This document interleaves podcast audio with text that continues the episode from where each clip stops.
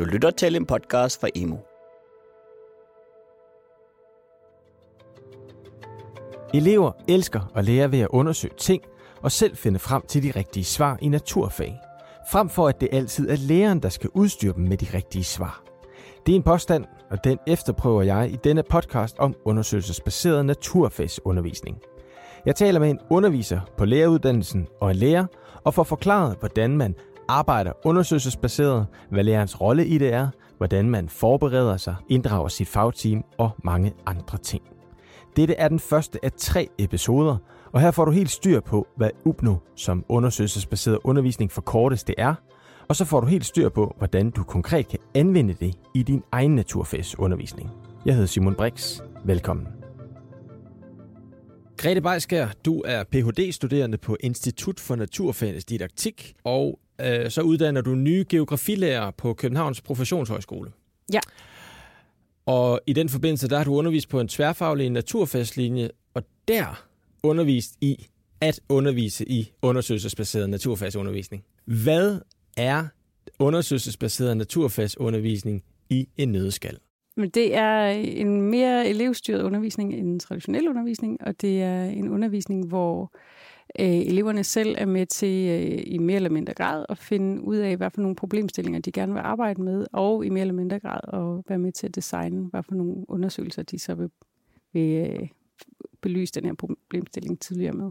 Og kan du komme med nogle konkrete eksempler på, hvordan man kan arbejde undersøgelsesbaseret? Ja, hvis man for eksempel havde, hvis man nu havde en 8. klasse, og man øh, altid underviste dem øh, torsdag eftermiddag, og de altid var ret trætte og tunge i hovederne, så kunne det være, at øh, man sammen lavede, fik en samtale omkring, hvordan søren kan det være, at vi altid er så trætte og tunge i hovederne her om eftermiddagen. Øh, og så kunne, øh, så kunne man jo håbe, det var eleverne, der selv begyndte at snakke om det, og så øh, kunne man sige, skal vi, ikke, skal vi ikke undersøge, hvad det kunne være, og så sætte eleverne i gang med at lave nogle, nogle hypoteser i det forestilling om, hvordan kan det være, at vi er så trætte og tunge i hovederne her om eftermiddagen. Øh, og så, øh, hvad hedder det, afhængig af, hvad de har arbejdet med i forvejen, så kunne det være, at de begyndte at tænke, vi skal kigge på noget med blodsukker, eller vi skal kigge på noget med luftkvalitet, eller sådan noget. Mette Mellerup er udover at blogge om naturfag på folkeskolen.dk, også naturfagslærer på Sølleskolen i Silkeborg, hvor hun har anvendt undersøgelsesbaseret undervisning i en overrække på mellemtrinnet og i udskolingen. Prøv at beskrive, hvordan det foregår, når undersøgelsesbaseret naturfagsundervisning det fungerer allerbedst i din undervisning. Ja, jeg vil sige, i, i min undervisning, når den undersøgelsesbaserede naturfagsundervisning fungerer allerbedst, så er det en blanding mellem øh, kaos og flow. Der er elever over det meste af lokalet, der er ting, der er materialer, der er snak, der er glæde, der er udbrud for de her elever. Og øhm, jeg, jeg, kan, jeg, kan, jeg kan se på dem, at de er, de er alle mulige forskellige steder henne i processen, men, men alle sammen har de en plan for, hvad det egentlig er, de, de gerne vil prøve at undersøge. Og så, øh, så ser man det meget tydeligt, hvis jeg har dem op imod en pause, og klokken ringer, og der er ikke nogen, der lytter til klokken, og der er i hvert fald ikke nogen, der har travlt med at komme ud og holde frikvarter, fordi de er jo lige i gang med at undersøge noget. Man kan stilisere den undersøgelsesbaserede undervisning på mange måder alt efter, hvor åben en tilgang læreren anlægger. Der er jo selvfølgelig forskellige sådan, skoler eller idéer til, hvordan man skal gøre det her. Der er nogen, der siger, at undersøgelsesbaseret undervisning, det er, at eleverne selv kommer. og så skulle det selv være eleverne, der kom ind og sagde, vi er tungertræt i hovedet, vi vil gerne. Må vi ikke få tid til at undersøge det?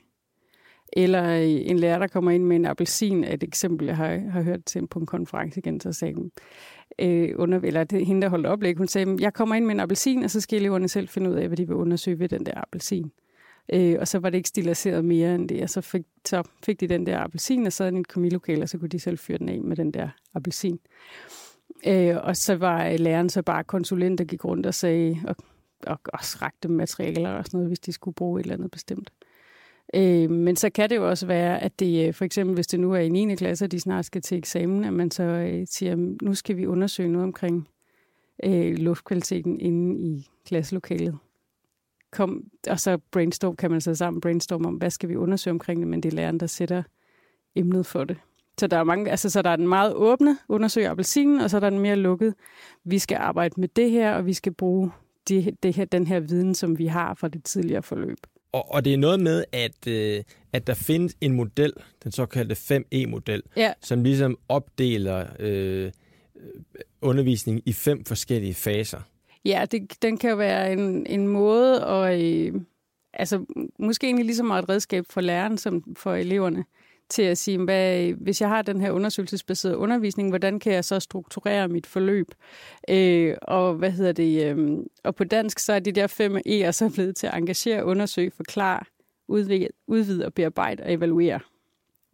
Øh, og det er jo egentlig bare en idé om, hvordan man kan gøre det. Altså jeg tænker det sådan, okay, hvis vi skal have et forløb, hvor øh, eleverne skal undersøge et eller andet, så skal vi øh, starte med at, øh, at fortælle dem noget om, hvorfor det her emne er relevant. Hvorfor, hvor, hvorfor synes jeg, det er, det er interessant at beskæftige sig med det her? Hvorfor vil jeg gerne have, at I beskæftiger jer med det? Det er så det, de kalder øh, engagere i, i denne her model. Øh, og så skal vi jo ind og finde ud af lidt mere omkring det her emne, for at finde ud af, hvordan skal vi opstille en undersøgelse. Så er vi nødt til at vide et eller andet om emnet på forhånd. Så hvad ved man? Så man går ind og kigger, hvad ved vi i forvejen, og hvad kunne vi godt tænke os at vide noget mere om? Eller hvordan kunne vi godt finde det ud af, som man kan i forvejen, og sætte det ind i den kontekst, vi skal bruge det ind i. Det er jo så, øhm, det vil jeg kalde, at man afdækker problemet, og man så går i gang med at lave et, øh, et undersøgelsesdesign baseret på det, man så har, har fundet ud af. Og så undersøger man det, og så bearbejder man det og evaluerer, hvad man har fundet ud af. Der er en tilgang, hvor jeg sådan på forhånd har besluttet mig for, at nu skal vi arbejde undersøgelsesbaseret, og hvor det undervisningen eventuelt kan være sat op efter 5E-modellen øh, som, som metoden til at stilisere det her undersøgende arbejde, øh, som ligger inde på Astras hjemmeside som er den, er, er den ene måde, man kan arbejde på. Den anden måde, hvor jeg kan arbejde på det, det er sådan mere, hvor eleverne lige pludselig siger øh, et eller andet, og så øh, tager vi udgangspunkt i det, og så øh, glemmer vi egentlig alt om tid og sted, og så går vi ud af den tråd, og så bliver det en, en, en under, noget undersøgelsesbaseret undervisning, som tager udgangspunkt i den tanke, den idé, som eleven lige stod med. Hvornår er det for eksempel sket? Jamen, øh, jeg tror sidste gang, vi prøvede noget, hvor, hvor jeg sådan, okay, vi slog helt op i banen og gjorde noget andet, det var, at vi havde et, øh, vi havde et forløb om, øh, om varer, der skulle flyttes rundt i verden på store containerskib, og vi, øh, vi så på de her sluser, der var rundt omkring i verden, og øh, vi er, jeg er jo øh, som bekendt fra Silkeborg, så vi var nede og se på sluserne her i Silkeborg, og så er der en af eleverne, der siger, jeg tror godt, man kan bygge sådan nogle sluser med mikrobits. Og så er der en af de andre, der siger, det tror jeg faktisk også godt, man kan. Hvad siger du med det? Så siger jeg, hvis I tror på det, så tror jeg også på det. Og så øh, blev årsplaner og tekster og kompendier og alt andet sat til side. Og så gik vi ellers i gang med at finde mikrobits og materialer og vand og kasser og alt for at bygge de her øh, sluser. Øhm, og øh, det lykkedes faktisk også for, for de fleste af dem at få bygget noget med sluselover, der kunne gå op og i. Og lige pludselig så snakkede vi om materialekendskaber og hvad flyder og hvad synker og vand og øhm, alle mulige andre ting, som jo i hvert fald ikke fra starten af var en del af det forløb, men blev til en del af det forløb. Og kan du, kan du huske, hvordan det her forløb, hvordan det var sådan? Altså, hvordan nåede I fra idé til, at de rent faktisk, nogle af de her elever, fik bygget øh, sluser ud af mikrobits? Det gjorde vi primært, fordi at øh, eleverne kommer med ideen. Jeg siger jo i bund og grund ja til ideen. Jeg skipper det, vi egentlig skulle have lavet. Og så spørger jeg dem til, okay, hvis I skal bygge det her, hvad skal I så bruge? Øhm, og så kom de jo med alle mulige forskellige. Jamen, nogle de skulle bruge øh, plastiklommer, nogle de skulle bruge lamineret ark, nogle skulle bruge mikrobitsene, nogle skulle bruge kasser og alt. Og så øh, fik de egentlig sådan, øh, altså skrevet ned, hvad de skulle bruge, og så, det var så sidst på timen, og så, så siger jeg til dem, jamen næste uge, når jeg kommer, så har jeg de her ting med. Og så gik de i gang med at bygge. Og hvad vidste du selv på det tidspunkt om at bygge øh, sluser med mikrobits, eller af mikrobits? Absolut ingenting.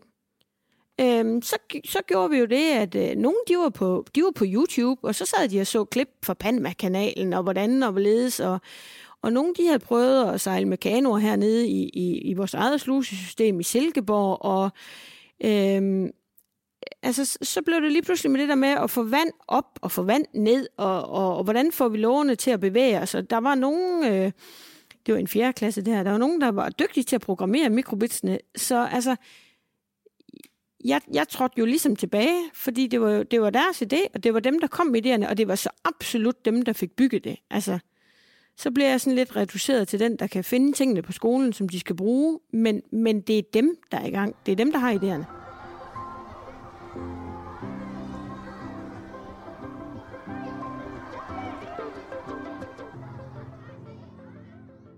Er der andre eksempler, øh, som end, end det du lige nævnte, hvor du har, hvor du har brugt øh, undersøgelsesbaseret naturfagsundervisning? Ja, man kan sige, der er jo der er også en anden tilgang, øh, hvor, man, hvor man jo ligesom vælger nogle øh, forløb, som man ved på forhånd er undersøgelsesbaseret. For eksempel har vi arbejdet med de forløb, der er fra LIFE, hvor, øh, hvor man kan sige, der, der kommer kasser hjem fra CFU, hvor alt er pakket, og, og hvor det er for eleverne, de oplever det øh, meget undersøgelsesbaseret, men hvor man jo som lærer, når man har været inde og læst og sådan man ved, hvor det er, de her undersøgelser, de skal føre hen. Mm. For mig er, jeg tænker undersøgelsesbaseret sådan undervisning, sådan to dele. Der er den der, hvor man har en, en form for, for færdiglavet øh, undervisningsforløb, som er undersøgelsesbaseret, eller der er den del, hvor man tager fat i nogle elevidéer, og så kører man ud af den øh, vej hvor der er ingen tvivl om, begge, begge former for undervisningssituationer kan noget og kan noget forskelligt. Okay. Og hvornår vælger du den ene frem for den anden? Ja, man kan sige, at den undersøgelsesbaserede, øh, altså der, hvor, hvor, hvor, hvor undervisningen, altså hvor de er tilrettelagt i at være undersøgelsesbaseret, dem vælger jeg jo sådan set mere eller mindre på forhånd i det øjeblik, jeg sidder og laver en årsplan. Så bliver de jo lagt ind der, hvor man kan sige, at dem der med at tage en elevidé de kommer jo bare. Dem kan man jo ikke sige, hvornår de er der, hvornår de ikke er der. Det er jo også et spørgsmål om at lytte til eleverne, og når de spørger, kan vi det? Og så i stedet for at tage nej han på, så siger man, ja, det kan vi godt. Vi kan prøve. Mm-hmm. Mm. Øhm, så så, jeg, så jeg, jeg synes, der er, sådan, der, der er faktisk stor forskel på, om det er den ene tilgangsvinkel, eller, eller om det er den anden. Når det er, du arbejder med den her 5E-model, øhm, som jo i virkeligheden er fem forskellige faser, Hvordan, øh, hvordan gør du så, hvordan arbejder du i de forskellige faser, eller med de forskellige faser? Jamen, da jeg først blev præsenteret for den her model, så øhm, var jeg måske sådan lidt, okay, endnu en model. Øh, men det, man kan sige om den her model, det er, det er jo en fagdidaktisk model, som kan bruges til at planlægge det her undersøgelsesbaserede undervisning. Øhm, og den, for eksempel den, den, den første den første af E'erne, hvor man skal engagere eleverne, jamen det er jo der, hvor vi skal have aktiveret deres forforståelse. Øhm, og det kan man jo sige, at det har jeg jo altid arbejdet med. Øhm, så der er egentlig ikke sådan rigtig noget nyt. Men, men så den næste, hvor de skal undersøge, altså, og de skal selv samle informationer, det har måske været den, som jeg har været mere tilbøjelig til at springe over, fordi at øh, det, det kræver viden, det kræver materialer, det kræver faglokaler, altså, og så, så er det måske bare nemmere at hoppe den over, end at gå ind i den. Øhm, og så kan man sige, når man skal, når man skal forklare øh, jamen det er, jo, det er jo den sproglige del i det, hvor begreber og, og forklaringer og sådan noget, de skal bringes i spil, som jeg jo synes er super vigtigt, og som, som meget let kan puttes ind under undersøgelsen, så det, de her fagbegreber, det her fagsprog, der skal til, jamen det bliver egentlig en del af det at undersøge, at man bruger det.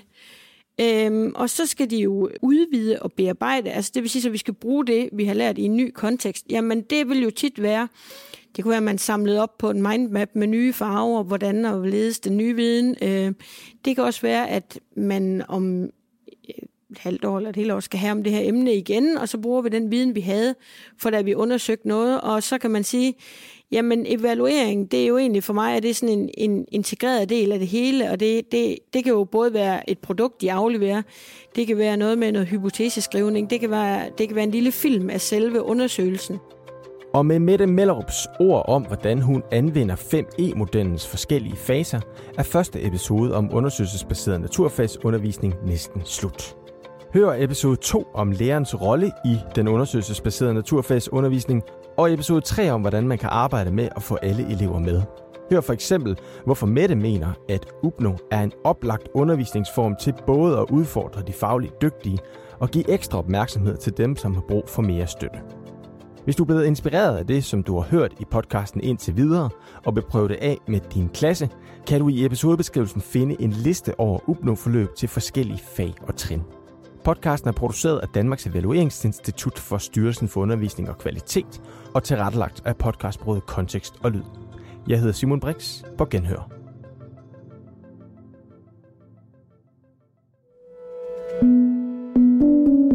Du har lyttet til en podcast fra Emu.